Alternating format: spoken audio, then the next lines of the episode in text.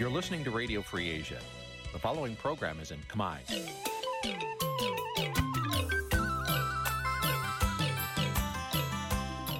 នេះជាកម្មវិធីផ្សាយ Vuthu Azizi Serai នេះជាកម្មវិធីផ្សាយរបស់ Vuthu Azizi Serai ជាភាសាខ្មែរ Vuthu Azizi Serai សូមស្វាគមន៍លោកអ្នកនាងទាំងអស់ពីរដ្ឋធានី Washington នៃសហរដ្ឋអាមេរិក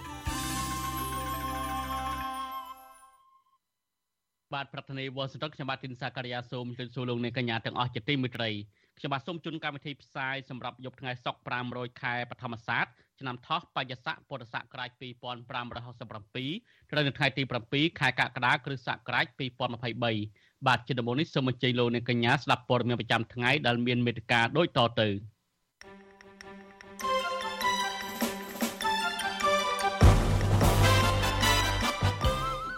សាច់ញាតិលោកដិតកែមលីនឹងធ្វើពិធីបុណ្យរំលឹកខួបនៅខេត្តតាកែវ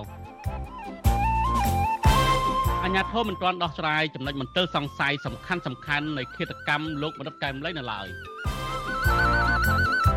គណៈរដ្ឋមន្ត្រីថ្មីនៃរដ្ឋាភិបាលឯកបៈនឹងមានការផ្លាស់ប្តូររដ្ឋមន្ត្រីចាស់ចាស់មួយចំនួន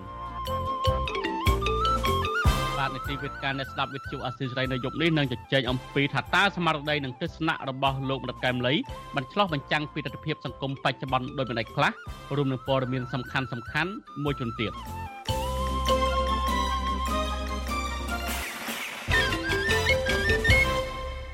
បាទលោកនាយកទីមេត្រីសាច់ញាតិបណ្ឌិតកែមលីនឹងរៀបចំពិធីបុណ្យរំលឹកខួបឃាតកម្ម បណ្ឌិតកែមលីនៅស្រុកកំណើតនៅខេត្តតាកែវនិងបានអំពាវនាវឲ្យប្រជាពលរដ្ឋនៅគ្រប់ទិសទីចូលរួមក្នុងកម្មវិធីនេះឲ្យបានច្រើនកុះក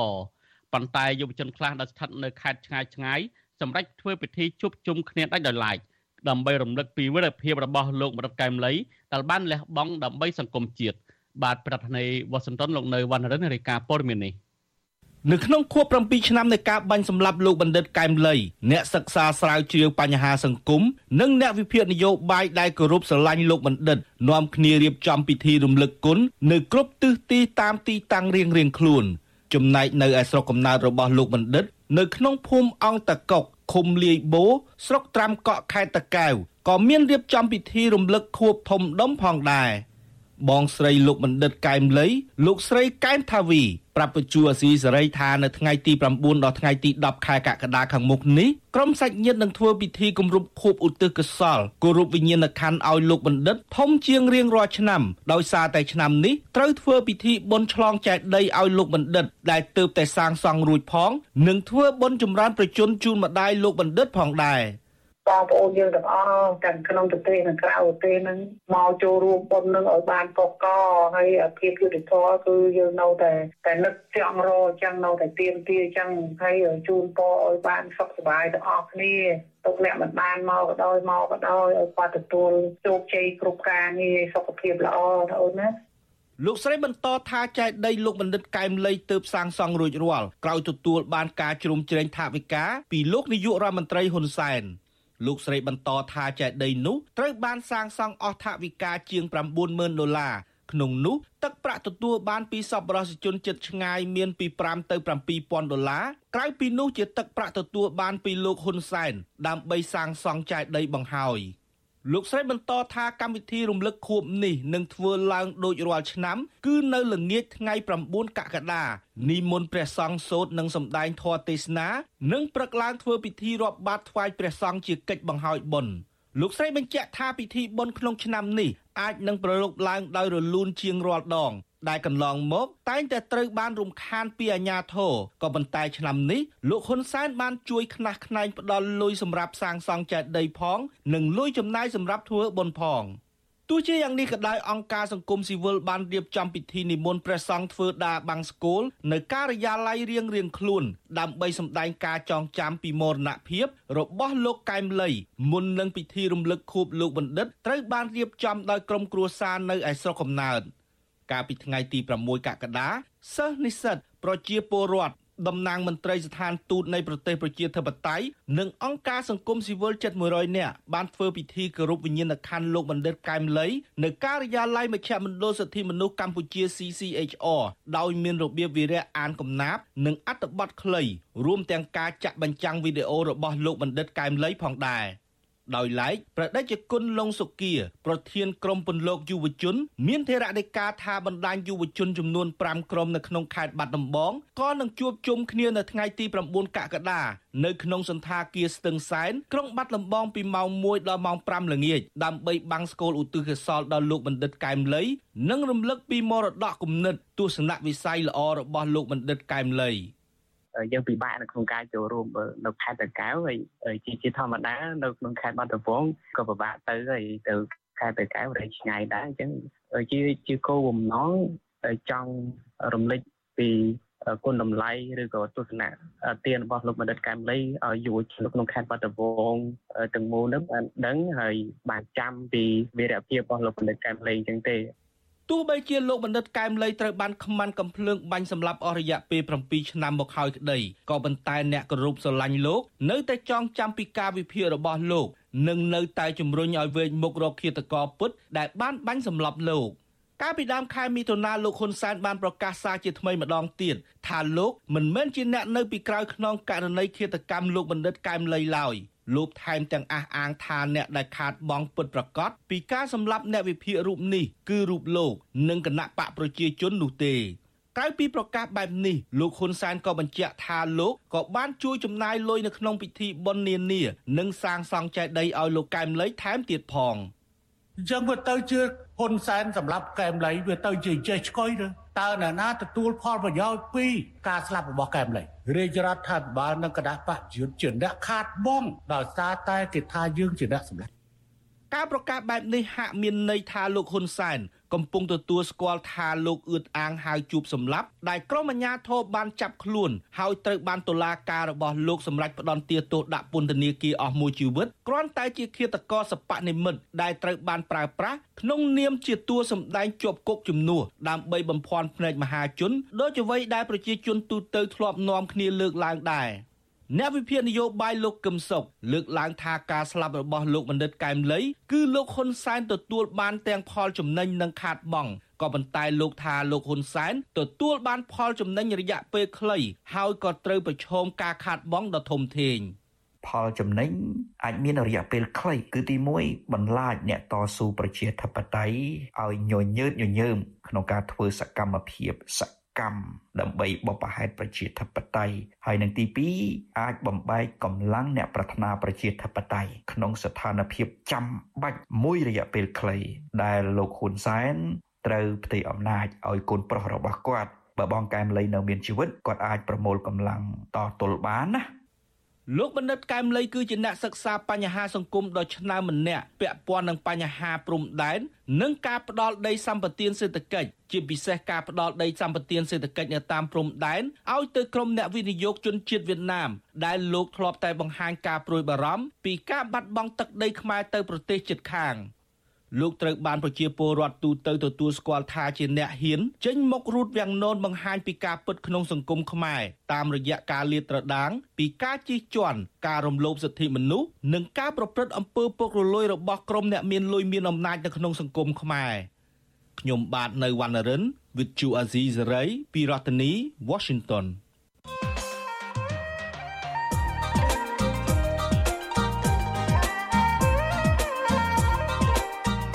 បាទវិទ្យុវិត្រីថ្ងៃទី10កក្កដាឆ្នាំ2023នេះជាខួប7ឆ្នាំគត់នៃឃាតកម្មបណ្ឌិតកែមលី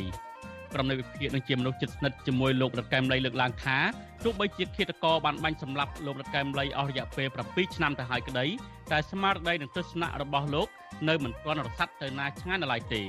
តើស្មារតីនិងទស្សនៈបណ្ឌិតកែមលីបានឆ្លុះបញ្ចាំងពីទស្សនវិជ្ជាសង្គមដោយមិនដាច់ខ្លះ បាទសូមលោកនេះរងចាំទេសនានីតិវិទ្យាអ្នកស្ដាប់វិទ្យុអាស៊ីសេរីដែលនឹងជជែកអំពីបញ្ហានេះនាពេលបន្តិចទៀតនេះបើសិនជាលោកនាងមានសំណួរឬក៏ចង់បញ្ចេញមតិយោបល់ទាក់ទងនឹងប្រធានបទនេះសូមលោកនាងដាក់លេខទូរស័ព្ទនៅក្នុងខ្ទង់ comment Facebook និង YouTube ដែលវិទ្យុអាស៊ីសេរីកំពុងផ្សាយផ្ទាល់នៅពេលនេះយើងខ្ញុំនឹងហៅទៅលោកនាងវិញបាទសូមអរគុណ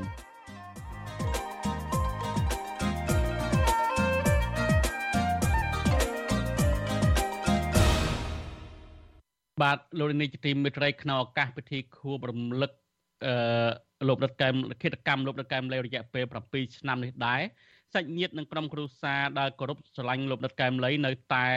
ជំរុញរដ្ឋាភិបាលស៊ើបអង្កេតករណីឃាតកម្មលើលោកដកែមលីដើម្បីដោះស្រាយចំណុចមន្ទិលសង្ស័យសំខាន់សំខាន់មួយចំនួនដែលពួកគេជឿថាគ្មានការស៊ើបអង្កេតឲ្យបានគ្រប់គ្រាន់នៅពេលកន្លងមកនោះទេ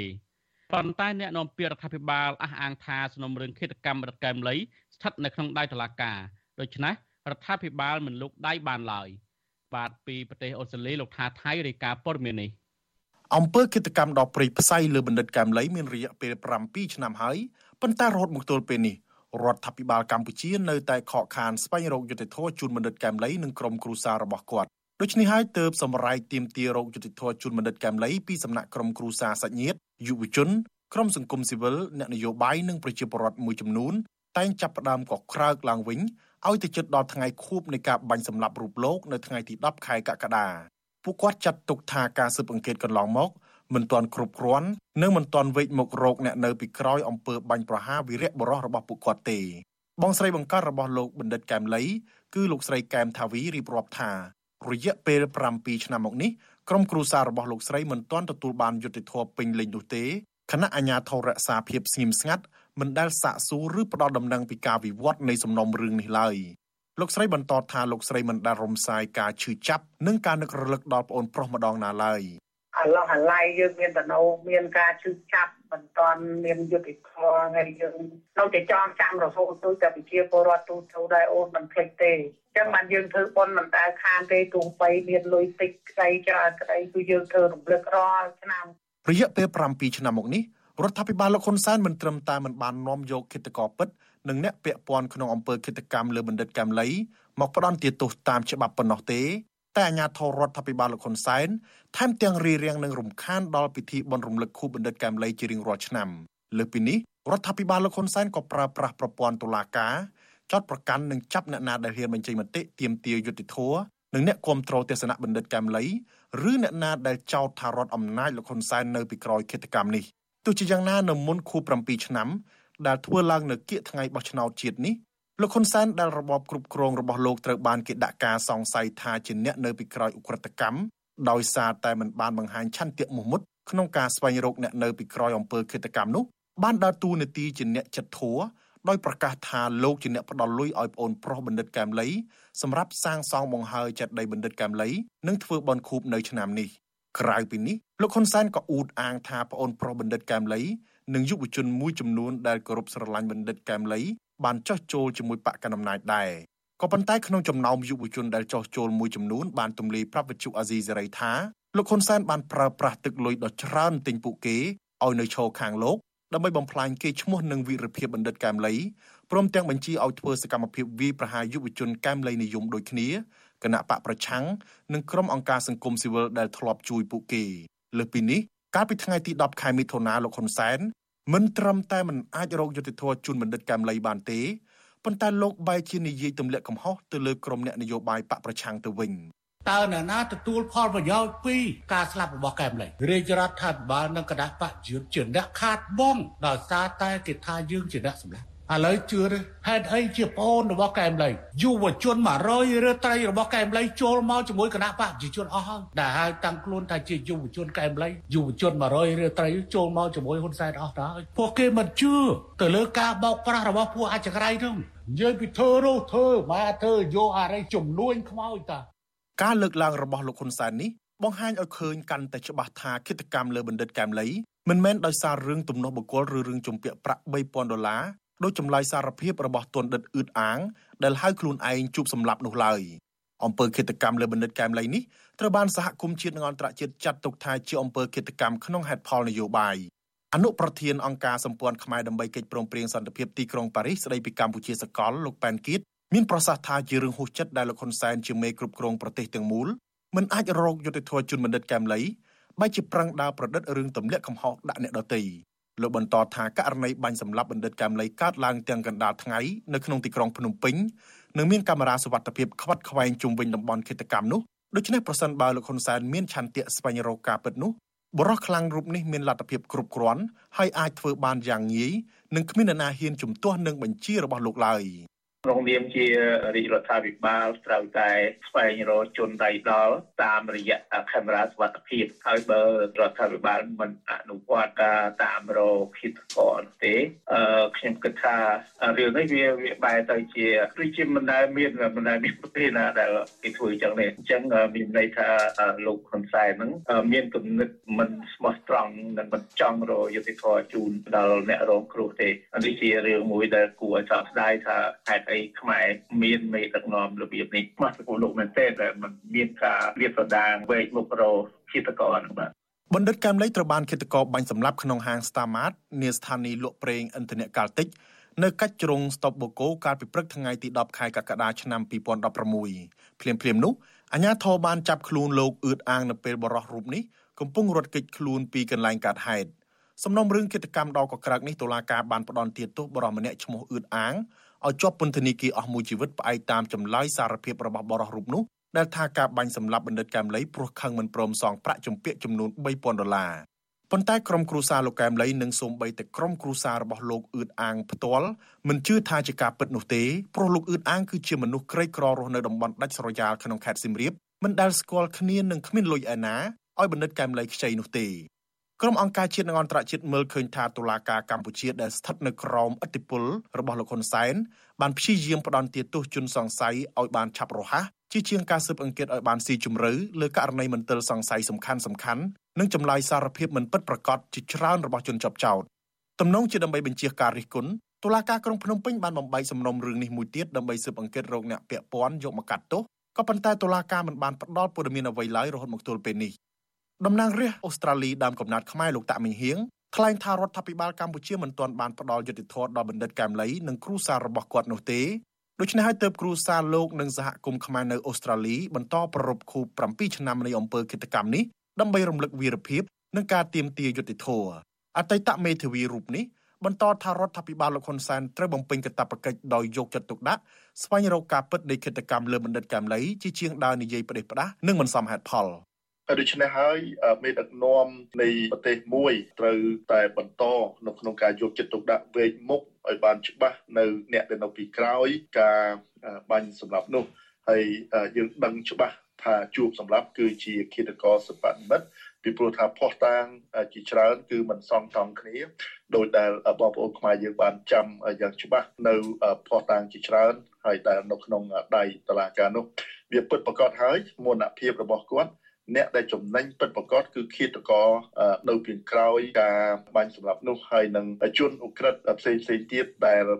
មិនចូលចិត្តចំពោះការបកស្រាយចំពោះការ analyze ចំពោះការវិភាគរបស់គាត់ដែលតាក់ទងជាមួយនឹងរបាយការណ៍របស់អង្គការអន្តរជាតិមួយដែលយើងយល់ថាដែលបណ្ដាលឲ្យមានការខឹងដែលបណ្ដាលឲ្យមានការស្អប់ហើយឈានទៅដល់ការបាញ់សម្រាប់លោកបណ្ឌិតកែមលៃប ណ្ឌិតកែមលីគឺជាអ្នកស្រាវជ្រាវបញ្ហាសង្គមនិងជាអ្នកវិភាគនយោបាយដ៏ល្បីល្បាញមួយរូបដែលហ៊ាននិយាយការពិតនិងរិះគន់រដ្ឋាភិបាលលោកហ៊ុនសែនឥតសំចៃមាត់លើពីនេះបណ្ឌិតកែមលីក៏បានដឹងខ្លួនឯងដែលថាជីវិតរបស់លោកស្ថិតក្នុងគ្រោះថ្នាក់គ្រប់ពេលវេលានិងជារៀងរាល់ថ្ងៃហើយលោកក៏ដឹងដែរថាអ្នកដែលបង្កើតគ្រោះថ្នាក់ដល់ជីវិតរបស់លោកគឺគ្មានអ្នកណាក្រៅពីក្រុមអ្នកកាន់អំណាចសពថ្ងៃនេះឡើយពេលដែលខ្ញុំវិភាគម្ដងម្ដងខ្ញុំមិនដែលគិតថាខ្លួនខ្ញុំនឹងមានជីវិតទេអំពើបាញ់សម្លាប់បណ្ឌិតកែមលីនេះ គឺបានកើតឡើងក្រោយពេលដែលលោកបានផ្ដល់ការអត្ថាធិប្បាយដល់បណ្ដាញសារព័ត៌មានអំពីការកាន់កាប់ទ្រព្យសម្បត្តិដ៏ច្រើនសន្ធឹកសន្ធាប់របស់ក្រុមគ្រួសារលោកនាយករដ្ឋមន្ត្រីហ៊ុនសែន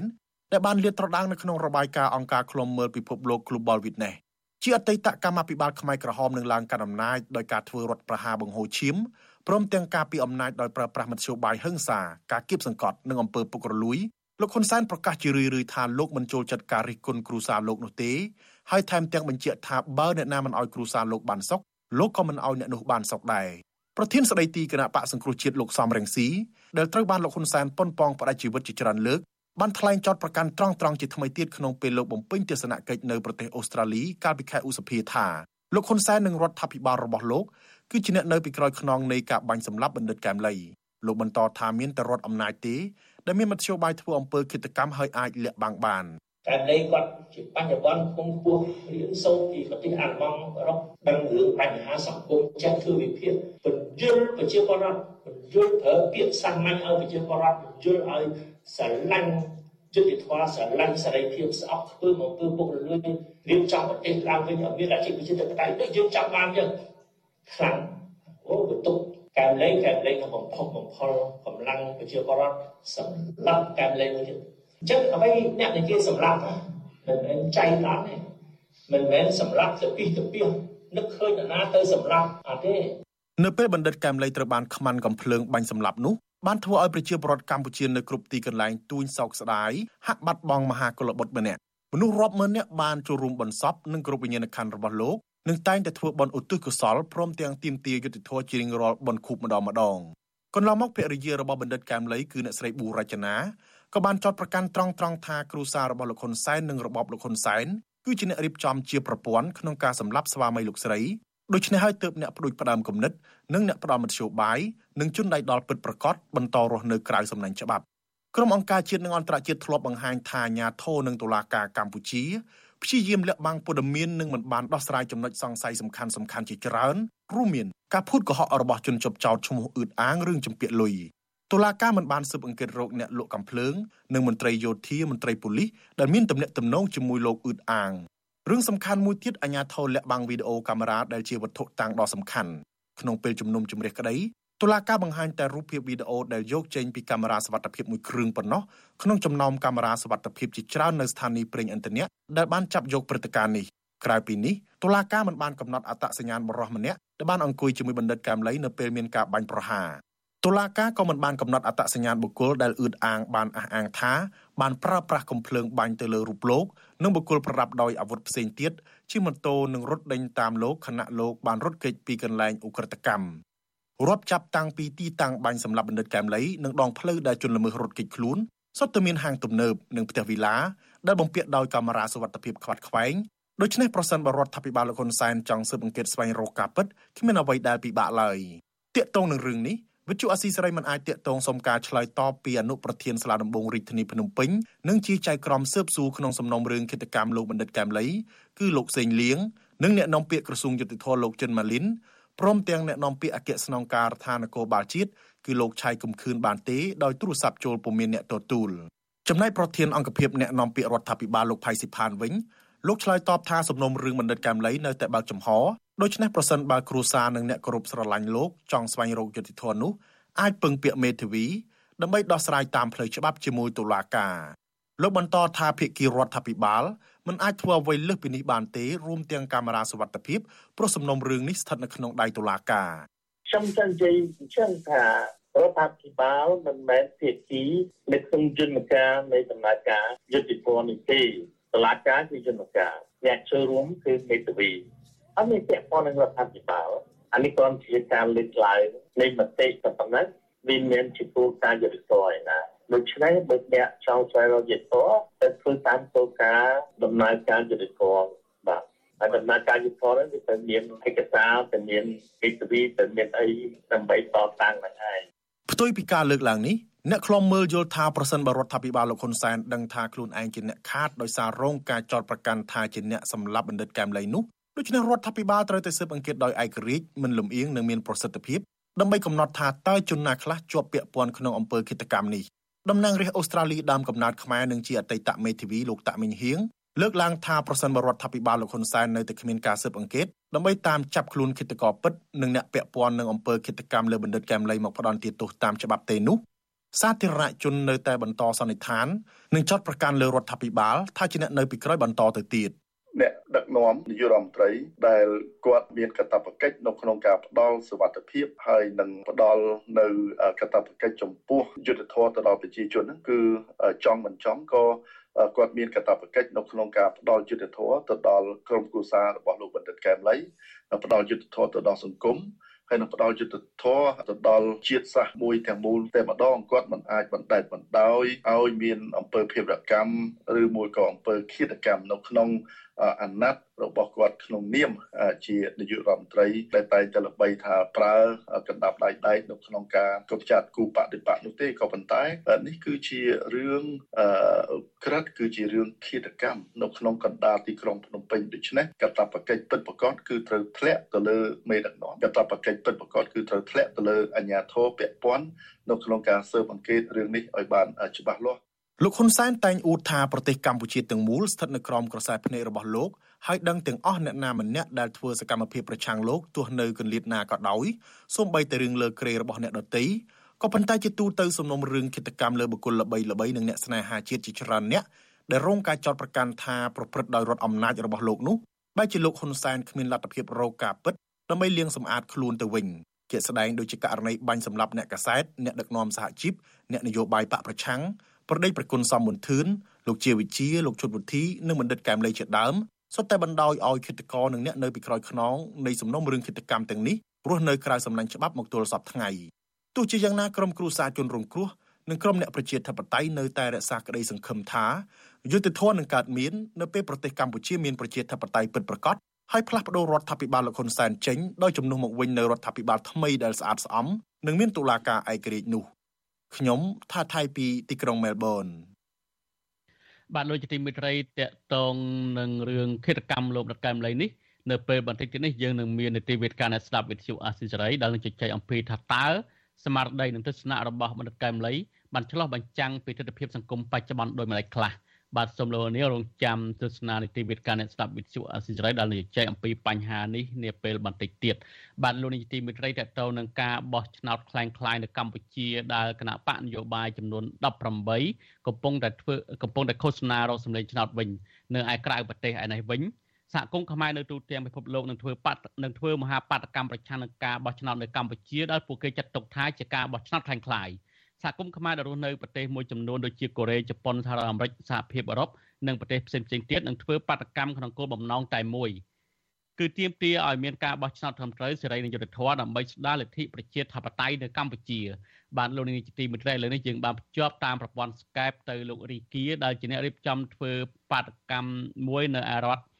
កាលីហ្វ័រញ៉ាសហរដ្ឋអាមេរិកខ្ញុំបាទសូមជម្រាបសួរលោករីគៀបាទបាទជម្រាបសួរលោកសការីយ៉ា បាទបាទអរគុណច្រើនដែលលោកបានចូលរួមដោយលោកងើពីព្រលឹមនៅឯរដ្ឋកាលីហ្វ័រញ៉ានៅពេលនេះប្រហែលជាម៉ោង5ជាងទេបាទឬក៏ម៉ោង7:06ហើយឥឡូវនេះបាទអរគុណដែលលោកបានចំណាយពេលលោករាជាខ្ញុំសូមសួរសំណួរទាក់ទងនឹងការរៀបចំធ្វើបាតកម្មព្រមគ្នាឬក៏បាតកម្មបរដ្ឋខ្មែរនៅឯក្រៅប្រទេសហ្នឹងដែលធ្វើបាតកម្មប្រឆាំងនឹងការបោះឆ្នោតហ្នឹងតើ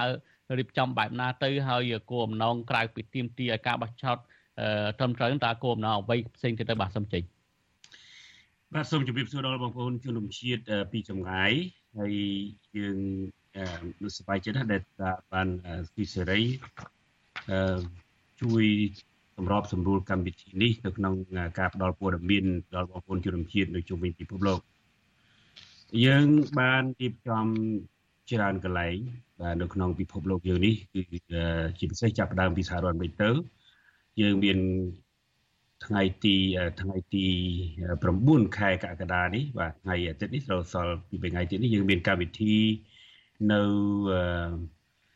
Washington State បាទនៅ Washington រដ្ឋធានីរដ្ឋ Washington មិនមែនរដ្ឋធានី Washington ទេនៅរដ្ឋ Washington បាទពីម៉ោងបាទពីម៉ោង4ឡើងទៅ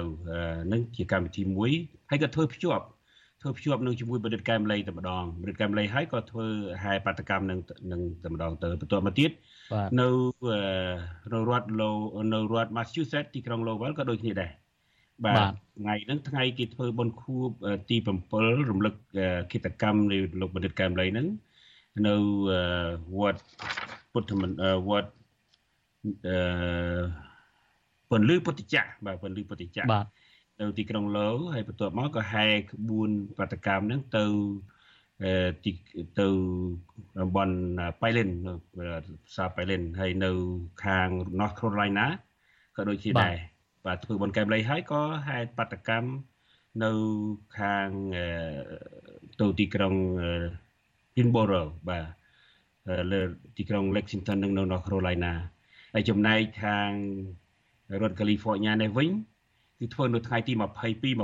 2ថ្ងៃនៅទីក្រុង Long Beach បាទ22 23គឺចំថ្ងៃសៅរ៍ថ្ងៃអាទិត្យហើយធ្វើនៅផ្លូវអាណាហាមសូមបងប្អូនទៅចូលរួមទាំងអស់គ្នាគ្រប់កន្លែងទាំងអស់ហ្នឹងបាទយើងអរគុណច្រើនលោករិគាតកតងនឹងការធ្វើ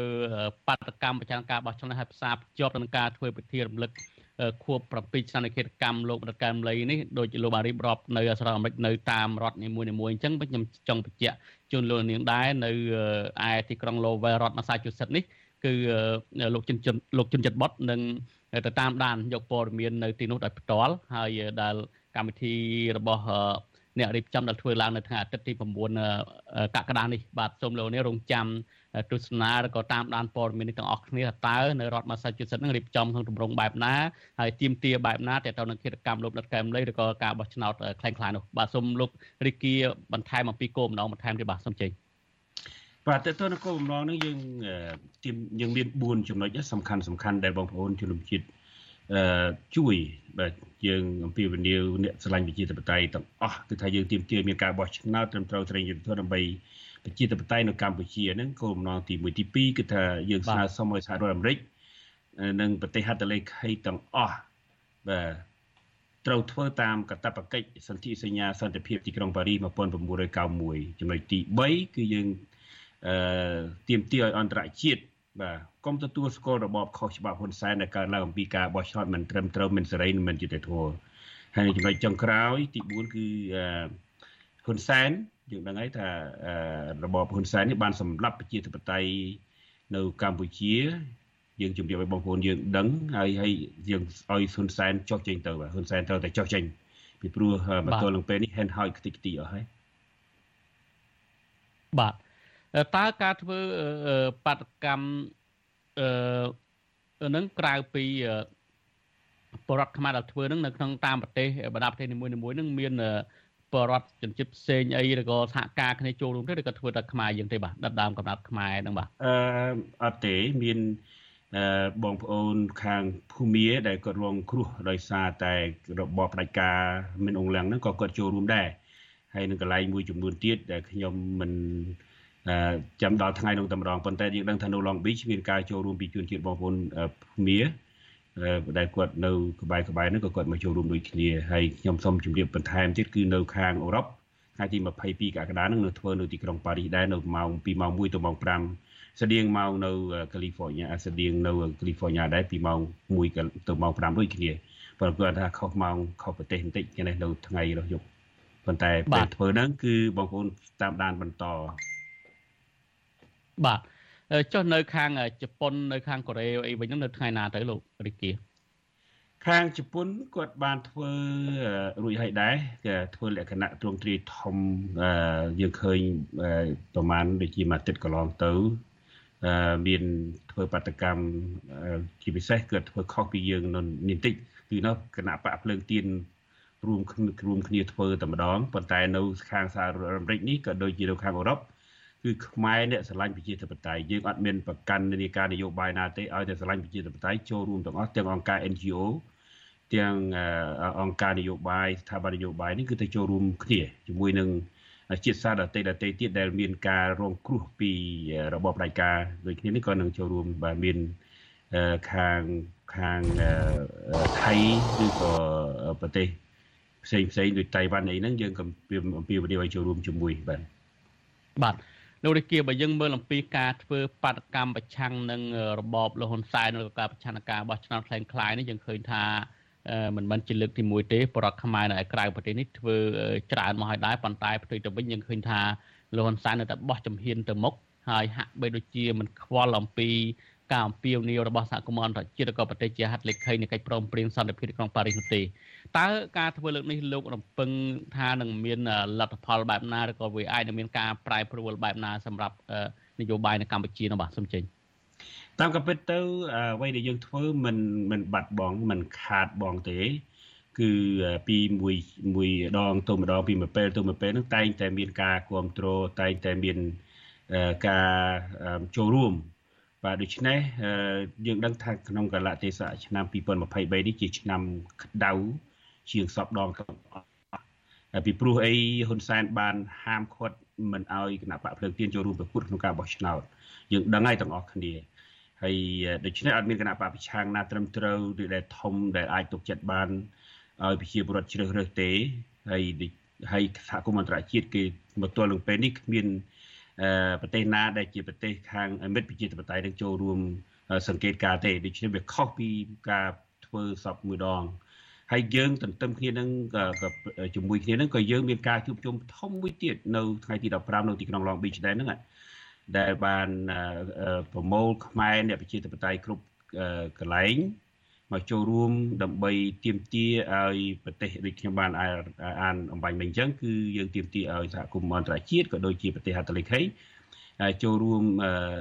ចូលរួមជួយជួយបាទចូលរួមជួយប្រទេសខ្មែរពីព្រោះអីសប្តាហ៍នេះហ៊ុនសែនកំពុងតែ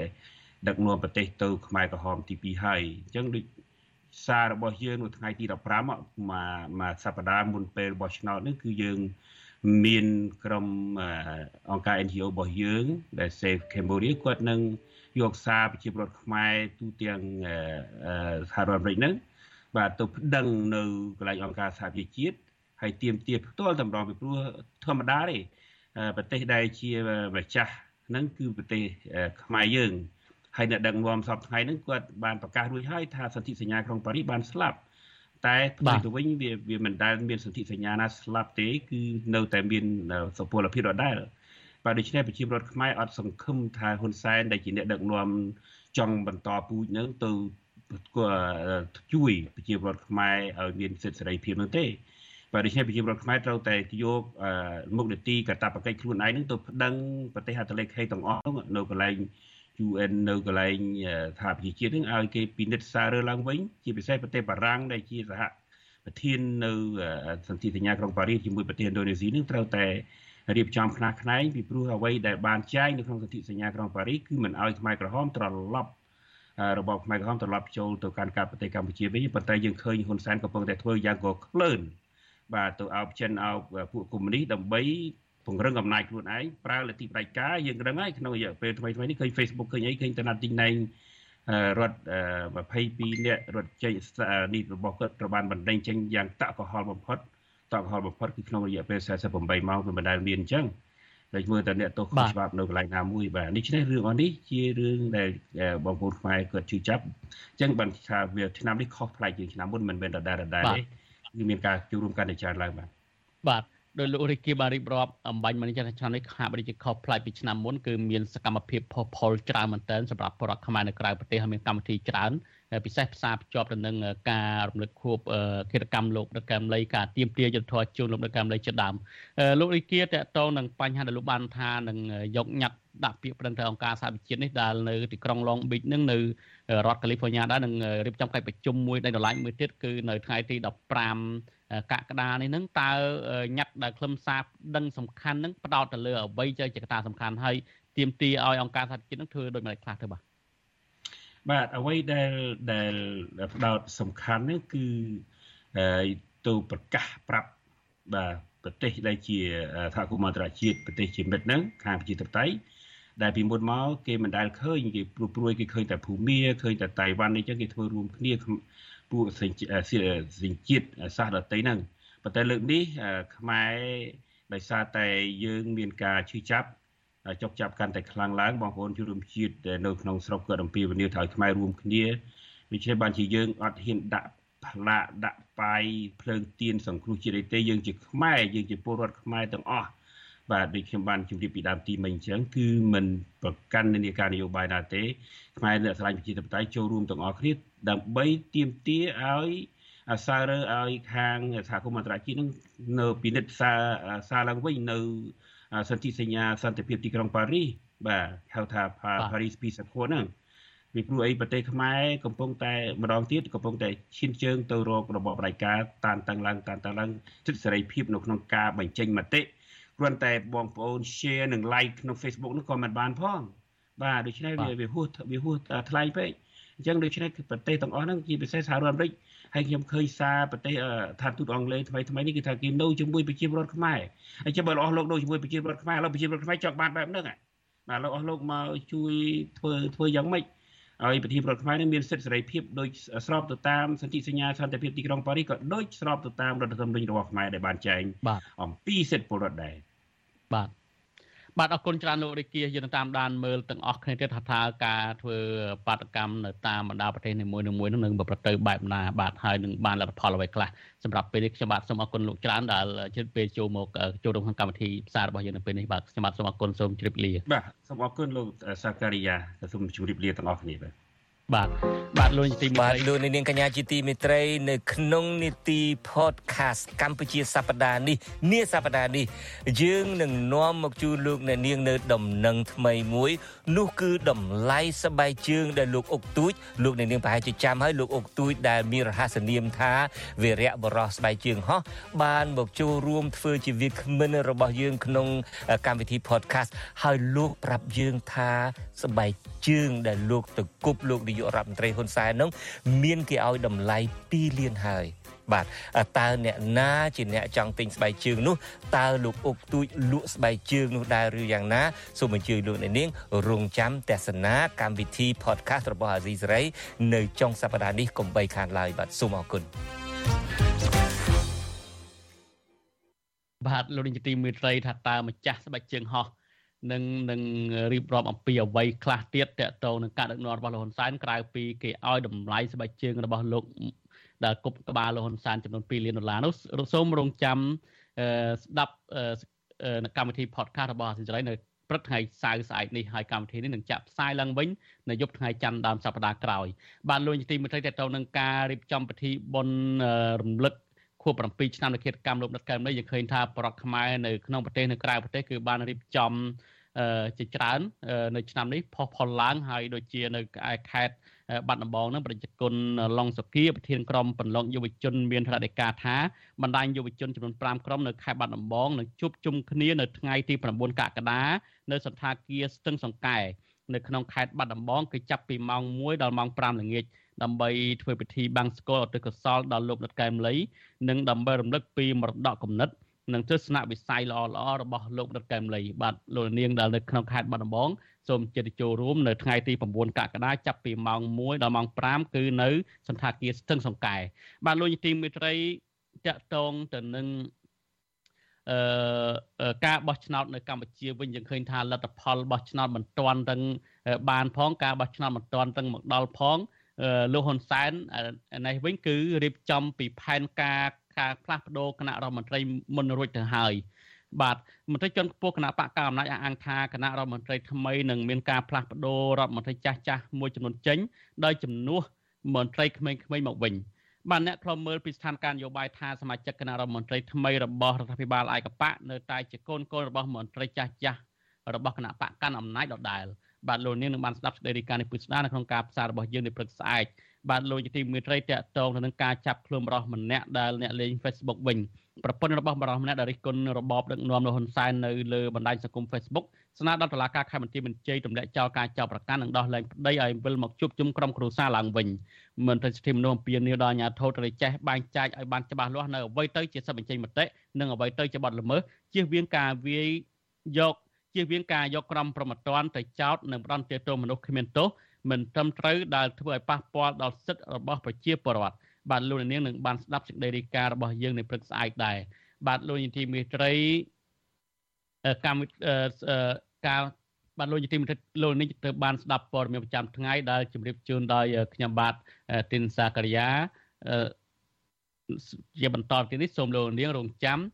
ទស្សនានីតិវិទ្យាអ្នកស្ដាប់វិទ្យុអាស៊ីសេរី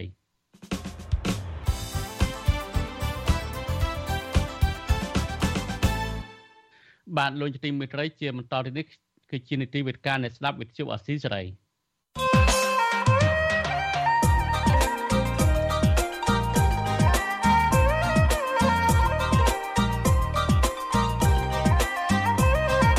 វេទិកាអ្នកស្ដាប់វិទ្យុអាស៊ីសេរី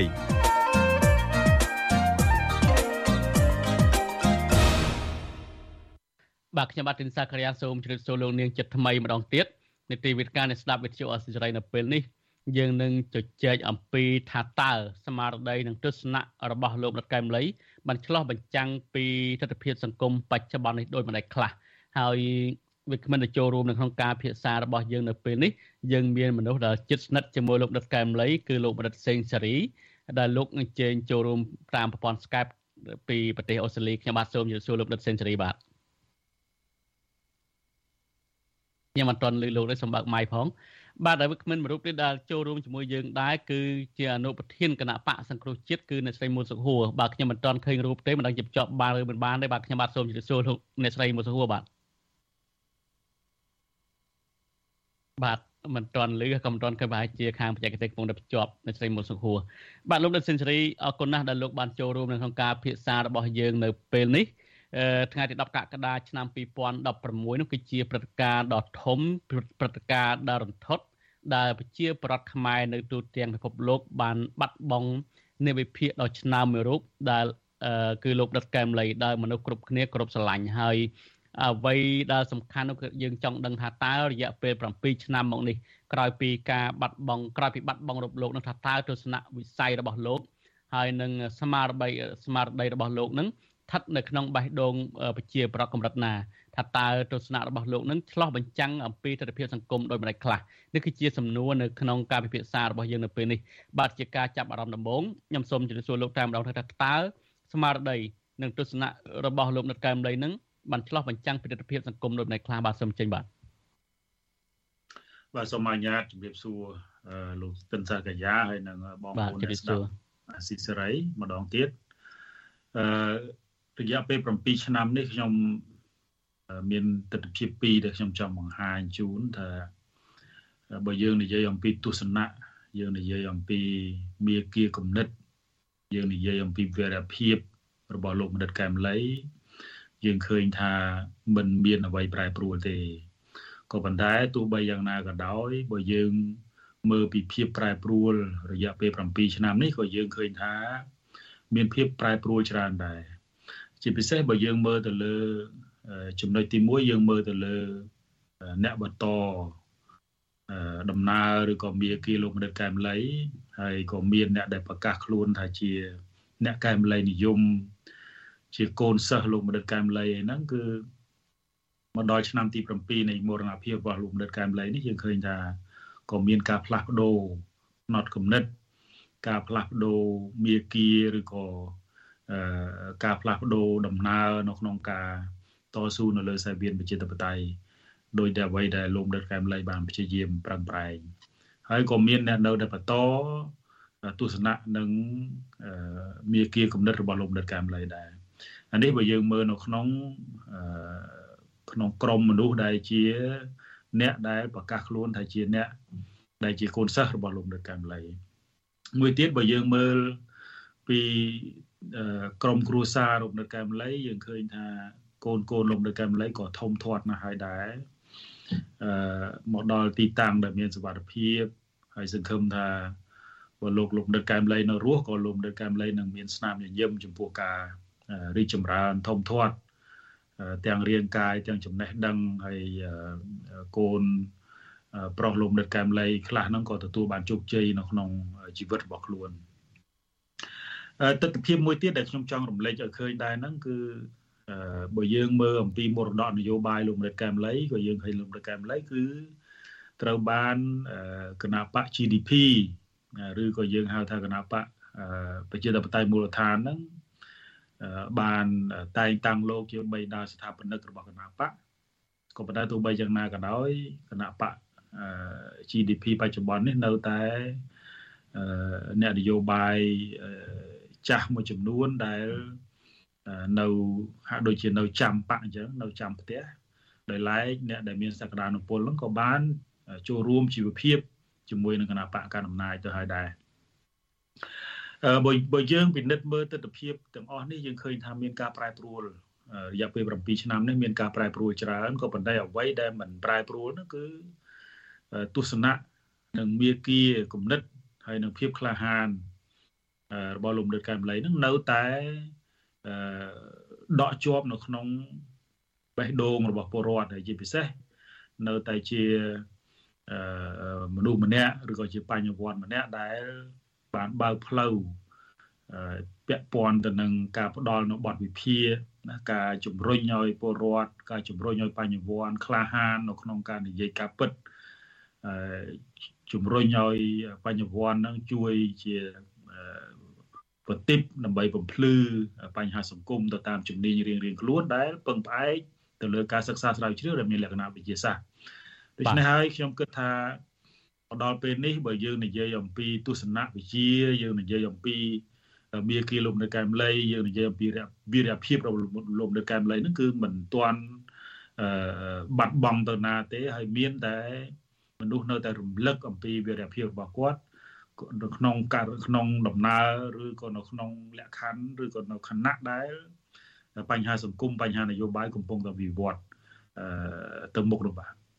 បាទបាទអរគុណច្រើនលោកដិតសេនស៊ូរីដោយដែលលោករៀបរាប់ជាថាទស្សនៈរបស់លោកនៅតែវីរភាពរបស់លោកដិតកែមលីគឺនៅតែដកជាប់នៅក្នុងបេះដូងប្រជាពលរដ្ឋនៅតែរស់រវើកអីចឹងក៏ប៉ុន្តែអ្វីដែលយើងមើលឃើញជាក់ស្ដែងទស្សនៈរបស់លោកនៅរស់រវើកអញ្ចឹងហើយពលរដ្ឋ នៅក្នុងសន្ទាប់របស់មហាជនរបស់ពលរដ្ឋវិញនៅតែដកជាប់នៅក្នុងចិត្តគឺនៅតែគោរពស្រឡាញ់លោកជាធម្មតានៅតែចងចាំលោកដដែលក៏ប៉ុន្តែអ្វីជាការកត់សម្គាល់យើងឃើញថាកូនសិស្សរបស់មនុស្សមួយចំនួនដែលអះអាងថាជាកូនសិស្សរបស់លោកដិតកែមលីនឹងទៅចោះចូលបំរើនយោបាយរបស់ទៅបំរើននយោបាយលោកហ៊ុនសែនទៅវិញហើយអ្វីដែលសំខាន់មួយទៀតលើកលោកបានលើកពីឈ្មោះគណៈបក GDP ឬក៏គណៈបកប្រជាធិបតេយ្យមូលដ្ឋាននឹងគឺបាន អឺលើកគឺបានដាក់លោកដិតកែមលីនឹងគឺជាស្ថាបនិកនៃការកសាងគណៈបកនៃការបង្កើតគណៈបកនេះក៏ប៉ុន្តែស្ថាបនិកនៃការបង្កើតគណៈបកនេះអឺមានពីររូបគឺលោកយ៉ងលោកយ៉ងសង្គមានិងលោកសាមអ៊ីនអីចឹងជាដើមចង់បញ្ចប់ទៅធ្វើនយោបាយមិនឈ្នះគណៈបកកៅអំណាចក៏រត់ទៅចោះចូលឲ្យបំរើនយោបាយលោកហ៊ុនសែនទៅវិញនៅស្របពេលដែល មហាជនមួយចំនួនមើលឃើញថាគិតកម្មលោកដិតកែមរៃនេះលោកដិតកែមរៃគឺពាក់ព័ន្ធទៅនឹងក្រុមគ្រួសារតកូលហ៊ុនអីចឹងជាដើមនោះបាទតើរឿងនេះយ៉ាងម៉េចទៅវិញលោកបាទដោយដែលខ្ញុំបានជម្រាបជូនចឹងថាការតស៊ូជាពិសេសយុវជនបើយើងបើយើងមើលក្នុងកម្រិតយុវជនដែលប្រកាសខ្លួនថាជាអឺកូនសិស្សឬក៏អ្នកស្រាវជ្រាវឬក៏អ្នកដែលដើរតាមមាគា អ្នកកែមលៃនិយមនោះខ្ញុំខ្ញុំគិតថារយៈពេល7ឆ្នាំនេះបង្ហាញច្បាស់ថាលទ្ធភាពនៅក្នុងការតស៊ូនៅក្នុងនាមជាសកម្មជន សង្គមហ្នឹងគឺបានត្រឹម7ឆ្នាំហើយអ្នកខ្លះក៏មានលទ្ធភាពបន្តបន្តទៅមុខទៀតទៅតាមលទ្ធភាពដែលអាចធ្វើទៅបានសម្រាប់ខ្ញុំខ្ញុំគិតថាយុវជនទោះបីជាពួកគាត់ជាកូនសិស្សលំដឹកកម្មលៃពិតឬមិនពិតក៏ដោយក៏ប៉ុន្តែទោះបីយ៉ាងណាក៏ដោយគាត់បានរៀនសូត្រច្រើនណាស់ អំពីទស្សនវិជ្ជារបស់លំដឹកកម្មលៃអំពីរបៀបរបបធ្វើការឬក៏របៀបនៅក្នុងការរូបវាំងននសង្គមដើម្បីធ្វើម៉េចឲ្យពលរដ្ឋបានឃើញអំពីដំណើរនយោបាយនិងការវិវត្តរបស់សង្គមនោះខ្ញុំគិតថាយុវជនទាំងនោះក៏បានរៀនសូត្រច្រើនដែរក៏ប៉ុន្តែទន្ទឹមនឹងការប្រឈមទៅនឹងបញ្ហាជីវភាពទន្ទឹមទៅនឹងការប្រឈមទៅនឹងការអភិវឌ្ឍខ្លួនឯងត្រូវទទួលខុសត្រូវទៅលើ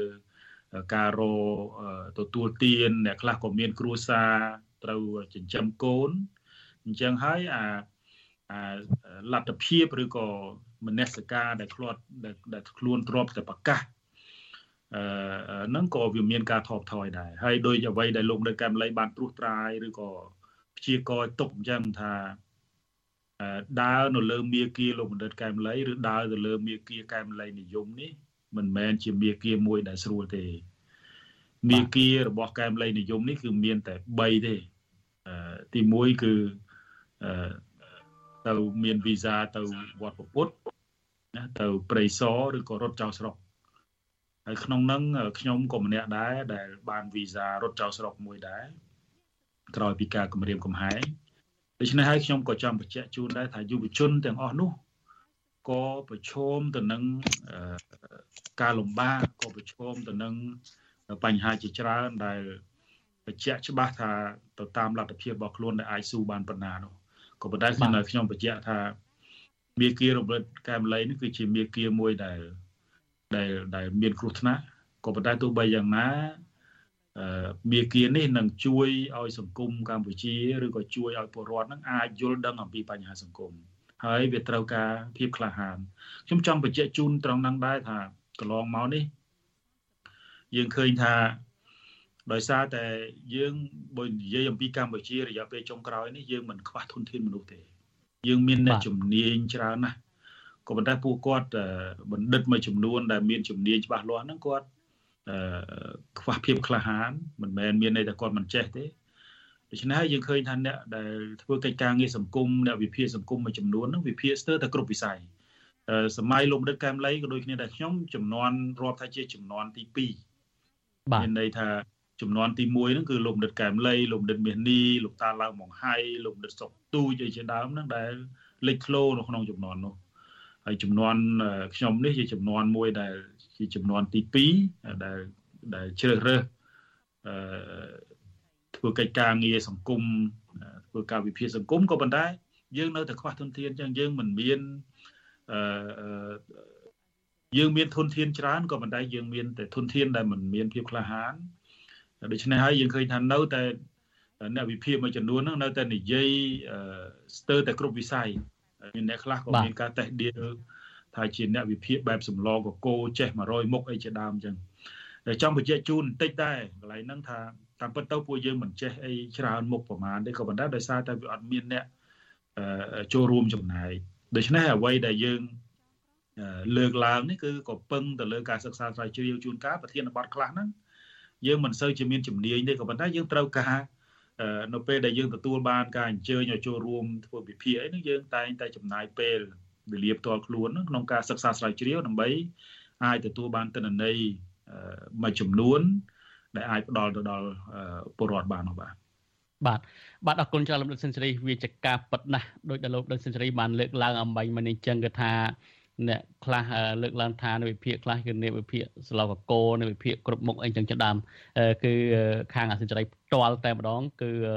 ពិសេសគឺលំបាកណាស់នៅក្នុងការស្វែងរកភ្ញៀវស្វែងរកវេក្មិនដោយចំណន់លោកដិតកែមលីហ្នឹងគឺសឹងថានីតិវិទ្យាអ្នកស្ដាប់វិទ្យុអសិរ័យការសម្ភាសទោះបីជានៅក្នុងខ្វតអត្ថបទខ្លីក៏ដោយវែងក៏ដោយនៅក្នុងការសម្ភាសផ្ទាល់ក៏ដោយគឺថាលោកដិតកែមលីវិភាគគ្រប់មុខគឺយើងតែងតែទូរស័ព្ទទៅលោកឬក៏អញ្ជើញលោកសឹងថាគ្រប់ពេលដោយសារតែយើងខ្វះហើយខ្វះហ្នឹងមិនមែនឆ្លោះបញ្ចាំងថា នៅកម្ពុជាយើងនឹងខ្វះមនុស្សដែលមានចំណេះដឹងទេគឺមានច្រើនក៏ប៉ុន្តែដោយលោកនៅកម្ពុជាបានលើកឡើងអញ្ចឹងនៅក្នុងសង្គមមួយដែលសម្បូរដោយពោះវែកសម្បូរដោយខ្លាសម្បូរដោយតោសម្បូរដោយស្អីនេះគឺមនុស្សហាក់បីដូចជាខ្លាចមិនហ៊ានបញ្ចេញមតិទេលោកដិតសិង្ហរីក៏បានរំលឹកពីទស្សនៈរបស់លោកដិតកែមដីថាបើដើរតាមមាគ៌ារបស់លោកនឹងត្រូវតែប្រកាន់ភ្ជាប់នៅវីសា3នឹងគឺទី1ទៅវត្តពុតទី2ទៅរត់ចោលស្រុកឬ រត់ចោលស្រុកអីចឹងជាដើមហើយតើបញ្ហាអស់នេះហើយដែលធ្វើឲ្យមនុស្សមួយចំនួនហ្នឹងគឺមានការភ័យខ្លាចអីហ្នឹងក៏ប៉ុន្តែយើងនៅតែអរគុណនៅវីរភាពលោកដិតកែមលីដែលហ៊ានបដូរជីវិតដើម្បីសង្គមពិសេសលោកដិតសេនស៊ូរីអញ្ចឹងជាដើមដើម្បីរត់ចាក់ចោលប្រពន្ធកូនបើតាមខ្ញុំខ្ញុំដឹងខ្ញុំក៏ស្និទ្ធជាមួយលោកដិតដែរលោកដិត ក៏មិនចង់ចេញទេតាមពិតចេញតែបង្ខំខ្ញុំដឹងរឿងលំដិតច្រើនដែរគឺចង់វិលទៅកម្ពុជាវិញណាស់ទោះបីជាជាប់គុកក៏ដោយខ្ញុំរហូតដល់ពេលខ្លះខ្ញុំខាត់ទៅថាកុំទៅវិញអីមើលលោកដិតកម្ពុជាជាគំរូនេះជាការពិតយើងឃើញចឹងមែនលោកដិតនៅពេលដែលលោកដិតកម្ពុជាបានលះបង់ជីវិតដើម្បីបបផហេតុនៃការតស៊ូមតិនៃសេរីភាពក៏ប៉ុន្តែមនុស្សមួយចំនួនមិនដើរយក ជ្រើសរើសយកវីសា3នេះទេក៏ប៉ុន្តែទេបញ្ចប់ទៅបែរជាចោះចូលចោះចាញ់អីចឹងនេះទៅវិញតើជាមធ្យោបាយមួយដែលអាត្មានិយមពេកទេឬក៏យ៉ាងណាបាទអឺយើងពិបាកនៅក្នុងការធ្វើការសន្និដ្ឋានថាពួកគាត់អាត្មានិយមឬក៏ឬក៏កំសាឬក៏ក្លាហានណាស់កលៈទេសៈពេលខ្លះយើងទទួលស្គាល់ហើយថាវាតូចចង្អៀតហើយជាពិសេសហ្នឹងគឺយុវជន យុវជនមិនមែនត្រឹមតែប្រឈមជាមួយនឹងការគម្រាមកំហែងអឺទាំងផ្លូវកាយនិងសន្តិសុខទេពួកគាត់ប្រឈមទៅនឹងការអភិវឌ្ឍខ្លួនឯងដែរព្រោះមួយចំនួនយើងឃើញហើយថាអ្នកដែលជាអ្នកដែលប្រកាសថាជាយុវជនកែមលីឬក៏ជាអ្នកវិភាគវ័យក្មេងក្តីឬក៏ជាអ្នកកែមលីនិយមក្តីហ្នឹងគឺពួកគាត់មានវ័យក្មេងមែន ក្មេងទាំងអាយុក្មេងទាំងចំណេះហើយគាត់ត្រូវការពេលវេលាច្រើនណាស់នៅក្នុងការអភិវឌ្ឍខ្លួនពេលខ្លះខ្ញុំទទួលស្គាល់ហើយថាយុវជនខ្លះគាត់សិក្សាបដាគាត់ធ្វើកិច្ចការងារស្ម័គ្រចិត្តក៏បដាក៏ប៉ុន្តែទន្ទឹមនឹងហ្នឹងសង្គមមានការវិវត្តយុវជនត្រូវការការអភិវឌ្ឍដែលមានកម្រិតខ្ពស់ដើម្បីឆ្លើយតបទៅនឹងតម្រូវការសង្គមនិងការវិវត្តរបស់ពិភពលោកដូច្នេះគាត់ប្រឈមរឿងច្រើនណាស់ហើយពេលខ្លះគាត់ burn out ដែរគាត់គាត់គាត់ត្រូវបានអឺនឿយណាយឬក៏ពេលខ្លះហ្នឹងគាត់ប្រឈមទៅនឹងការខ្វះខាតផ្នែកខាងជីវភាពដូចខ្ញុំបានលើកឡើងអញ្ចឹងអញ្ចឹងហើយជំរើសនៅក្នុងការចោះចូលជីវភាពជាមួយនឹងគណៈបកនយោបាយជាពិសេសគណៈបកកណ្ដាលអំណាចហ្នឹងក៏ជាជំរើសមួយដែលសម្រាប់ខ្ញុំខ្ញុំគិតថាមិនមែនជាជំរើសអាក្រក់ទេក៏ប៉ុន្តែអ្វីដែលជារឿងអាក្រក់ហ្នឹងគឺ